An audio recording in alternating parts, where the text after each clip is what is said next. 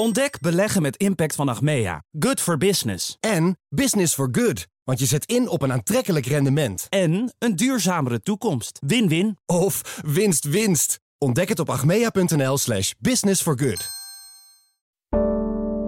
Een goedemorgen van het FD. Ik ben Paulien Zuster en het is dinsdag 26 september.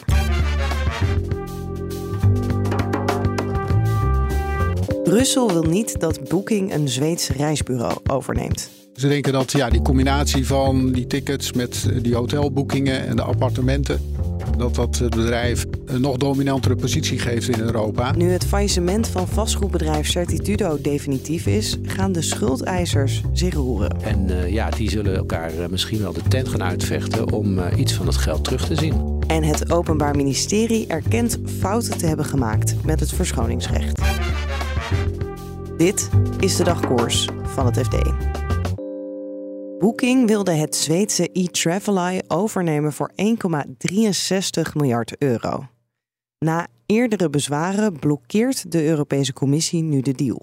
Ga ik het over hebben met onze technologie-redacteur Jasper Houtman. En voor iedereen die e-Traveleye niet kent, stelt hij even voor aan het Zweedse online reisbureau. Opgericht in 2000, dus al vrij lang geleden.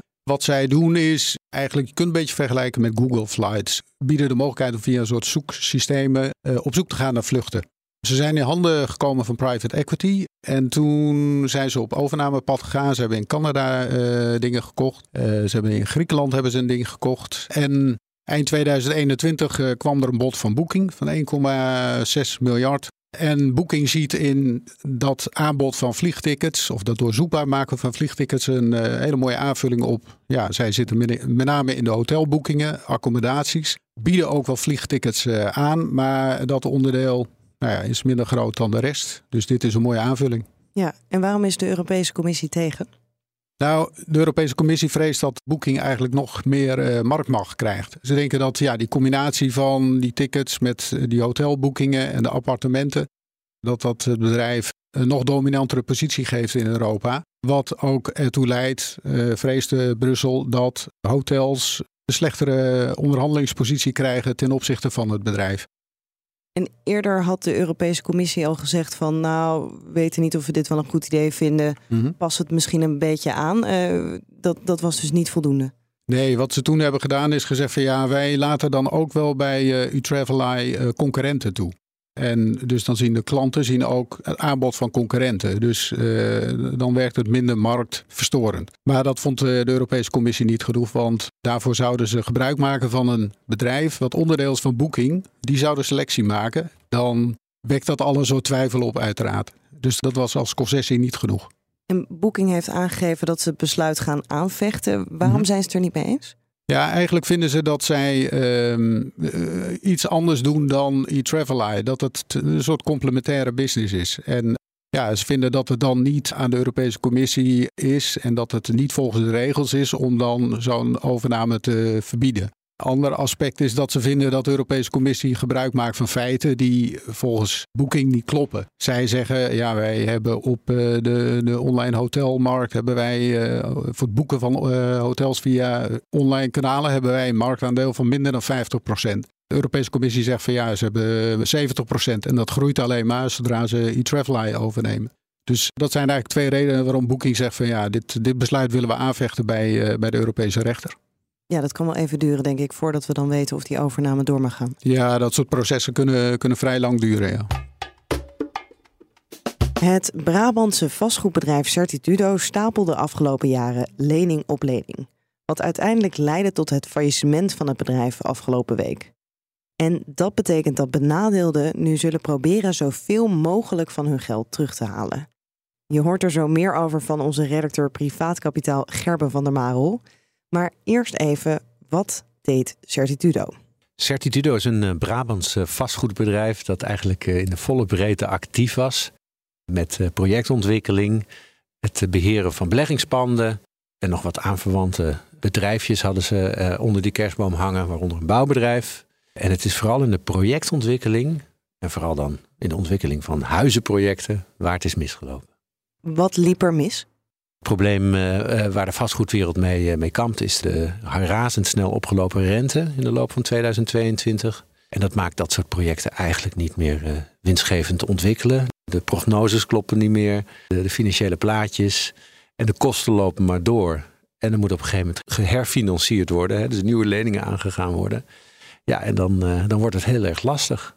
En is het dan alleen maar nou ja, die marktomstandigheden of was ook de inrichting van het bedrijf niet helemaal goed? Als je die bedrijven spreekt, dan wijzen ze natuurlijk alleen maar naar de externe factoren.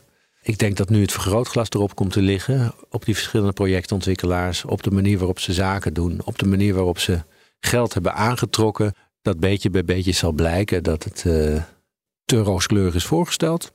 En dat nader onderzoek naar hoe dat gecommuniceerd is, met welke folders er gezeuld is en welke beloftes er zijn gedaan, dat daar iedereen daar natuurlijk nu kritisch naar kijkt. Maar er zijn eigenlijk schulden op schulden gestapeld. Precies, en dat is natuurlijk een grote schuldenlast, is een groot probleem voor een bedrijf. En zeker als de rekeningen doorlopen. Uh, en in dit geval is eerst een uh, dochtervennootschap uh, failliet verklaard. Of die ging in surseance, daar werd een plan gemaakt. Maar die bewindvoerders hebben gezegd dat werkt niet. Dat gaat het niet worden. En vorige week is de, is de moederholding, de topholding failliet verklaard. En daardoor is het hele speelveld is, is veel groter geworden met allerlei schuldeisers, met verschillende belangen. En daar gaan we de komende tijd nog wel veel van horen, denk ik. Want wat voor soorten schuldeisers heeft Certitudo? Ja, je hebt hypotheekverstrekkers, je hebt partijen die heel kortlopende financiering verstrekken. Dan heb je beleggers uit de rijke Nederlandse families die uh, geld uh, hebben uitgeleend. Het zij via een obligatie, de aankoop van een obligatie, het zij uh, als directe leningverstrekker. En ja, die zullen elkaar misschien wel de tent gaan uitvechten om iets van dat geld terug te zien. Want weten we al wie vooraan in de rij staat? Ja, er zijn een aantal partijen die, of er is een aantal partijen die een eerste recht op hypotheek hebben. Die hebben we gesproken. Dat zijn rijke, vermogende Nederlandse families. Die misschien niet tot alle tien rijkste van Nederland horen, maar toch buitengewoon vermogend zijn en geld over hebben en gezocht hebben naar projecten om ernaast te doen, hè, naast hun werkzaamheden. En, uh, en die voelen zich in ieder geval heel comfortabel, heel zeker. Die namen nog de telefoon op, laat ik het zo zeggen. Een hele hoop anderen die duiken weg. Die zullen misschien denken dat ze dom geweest zijn of onnozel. Wat op zich niet hoeft te zijn, want de markt zag er gewoon veel beter uit. Er zullen een hoop mensen zijn die toch heel veel geld gaan verliezen in deze. Alleen, uh, ja, als je het eerste recht op hypotheek hebt, dan kan je dus het vastgoed afpakken, zeg maar, wat eronder lag. Hè. Dat kunnen grondposities zijn, bestaande gebouwen, oude gebouwen die herontwikkeld zijn. Ja, en dan kan je dat verkopen. En dan uh, krijg je toch uh, waarschijnlijk een groot deel van het geld wel terug. Dus die zitten op zich redelijk goed. Denk je dat dit nu ook een soort voorbode is voor andere vergelijkbare vastgoedbedrijven die hier last van gaan krijgen? Ja, ik ben hier met collega Erik van Rijn ingedoken. En we bellen ons een, aantal weken al behoorlijk rond in de, de wereld van het vastgoed. Uh, en dan hoor je wel dat, uh, dat dit geen uitzondering is. En vooral in de woningbouw, waar het pijn natuurlijk ook van de andere kant komt, hè, dat mensen dus geen woningen meer kunnen kopen met deze rente. Hè. En dat, is, dat maakt deze zaak ook voor het grotere verhaal op de Nederlandse woningmarkt, hè, die natuurlijk ontzettend krap is, relevant. Certitudo was actief bij veel gezichtsbepalende projecten in Nederland duizenden tot tienduizenden woningen in die gebiedsontwikkelingen. Dus wat dat betreft uh, is, het een, uh, is het een belangrijke partij en een heel belangrijk faillissement om, uh, om nader te volgen, denk ik. Het Openbaar Ministerie erkende gisteren in een persbericht dat het fouten heeft gemaakt met vertrouwelijke informatie van strafrechtadvocaten tijdens de opsporing van misdrijven. Schending van het zogeheten verschoningsrecht. Je hoort onderzoeksjournalist Bart Mos. Het verschoningsrecht regelt dat je in vrijheid kan praten met je advocaat, met je notaris of met je arts, zonder dat de staat, of in dit geval het Openbaar Ministerie, stiekem meeluistert of meeleest wat je allemaal deelt met je, met je advocaat, notaris of arts. En dat is belangrijk, want je moet vrijheid kunnen praten met je advocaat over je verdediging. Uh, dus je wil niet, en dat mag ook niet, dat is wettelijk geregeld in het verschoningsrecht, dat het OM meeluistert of meeleest. Maar dat is de laatste tijd dus wel vaker gebeurd. Ja, het is in diverse zaken gebeurd. Onder andere bij een uh, vermogensbeheerder in uh, Brabant, Box heet dat uh, bedrijf. Daar is een enorme hoeveelheid informatie in beslag genomen via een internetprovider. mailverkeer zat daartussen met de advocaat van Box. dat is het kantoor Stibbe. Ehm, en, dat, en die informatie is ook gebruikt door het Openbaar Ministerie. ook is, is, er veel ophef ontstaan rond het onderzoek naar Ines Wesky, de advocaat van Ridouan Taghi. ook daar zou volgens de advocaten en volgens de betrokken rechtercommissarissen sprake zijn van schending van het verschoningsrecht, doordat er stukken zijn ingezien door de zaaksofficier die die niet mocht inzien. Hoe kan het dan dat als dat verschoningsrecht regelt dat die communicatie geheim is, dat het Openbaar Ministerie daar toch aankomt of dat gebruikt? Hoe, hoe zou dat eigenlijk dan voorkomen moeten worden en waarom lukt dat niet? Ja, het Openbaar Ministerie stelt zelf dat uh, uh, in de moderne tijd, zeg maar, wordt er zoveel informatie, digitale informatie in beslag genomen, waarvan de advocaat dan stelt, ja, maar dat is uh, uh, geheimhoudersinformatie. Ehm, dat, is, dat zijn zulke grote hoeveelheden, er is bijna niet aan te ontkomen dat je af en toe per ongeluk, zegt het OM, dat verschoningsrecht schendt. en in de wet is dat niet goed geregeld. Uh, dus het OM wil eigenlijk zelf ook dat dat nu beter geregeld wordt. Er loopt ook een, een onderzoek bij de Hoge Raad naar hoe dat dan zou moeten. En het Openbaar Ministerie zegt, ja, we zijn in gesprek met, met alle betrokkenen, dus met de advocaten, met de rechtspraak, uh, hoe we dat gaan oplossen. Want een, een oplossing die het Hof in Den Bosch heeft voorgesteld, is dat rechtercommissarissen de controle doen van alle stukken die in beslag zijn genomen wat daarvan dan geheim moet blijven en wat er vrijgegeven kan worden aan de opsporingsdiensten. Maar ja, de rechtercommissaris uh, willen dat niet. die hebben daar geen capaciteit voor. En die weigeren dat dus ook. Dus het OM zit knel tussen de uitspraak van het Hof Den Bosch en de rechtercommissarissen die weigeren daar uitvoering aan te geven. Er zijn niet zoveel rechtercommissarissen en die besteden dat tot nu toe gewoon uit aan het Openbaar Ministerie of aan de FIOD. Uh, en die hebben daar ook systemen voor. Maar ja, alleen die systemen die zijn dus niet waterdicht. Want documenten worden door de FIOD of door het Openbaar Ministerie gegrijsd, zoals ze dat uh, noemen. Dus onleesbaar gemaakt. Maar uit diverse zaken, onder andere ook het onderzoek naar Frank Butselaar, de, de fiscalist van de sterren.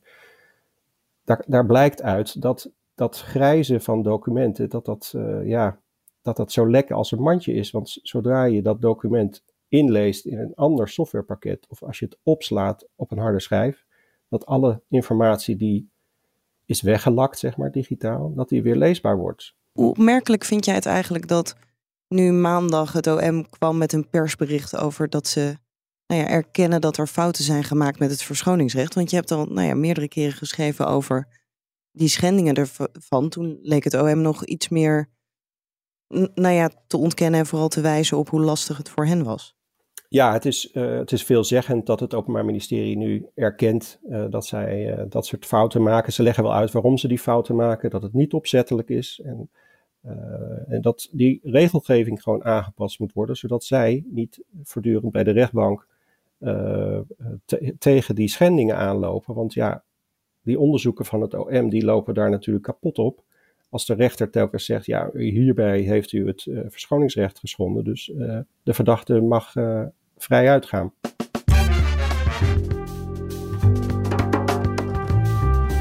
Dit was de dagkoers van het FD. Morgenochtend zijn we er weer. En als je je op dagkoers abonneert in je podcast-app, dan krijg je automatisch die nieuwe aflevering binnen. En ben je op zoek naar het laatste financieel-economisch nieuws? Ga dan naar fd.nl of de FD-app. Nog een hele fijne dag en graag tot morgen. Ontdek beleggen met impact van Achmea. Good for business. En business for good. Want je zet in op een aantrekkelijk rendement. En een duurzamere toekomst. Win-win. Of winst-winst. Ontdek het op achmea.nl slash business for good.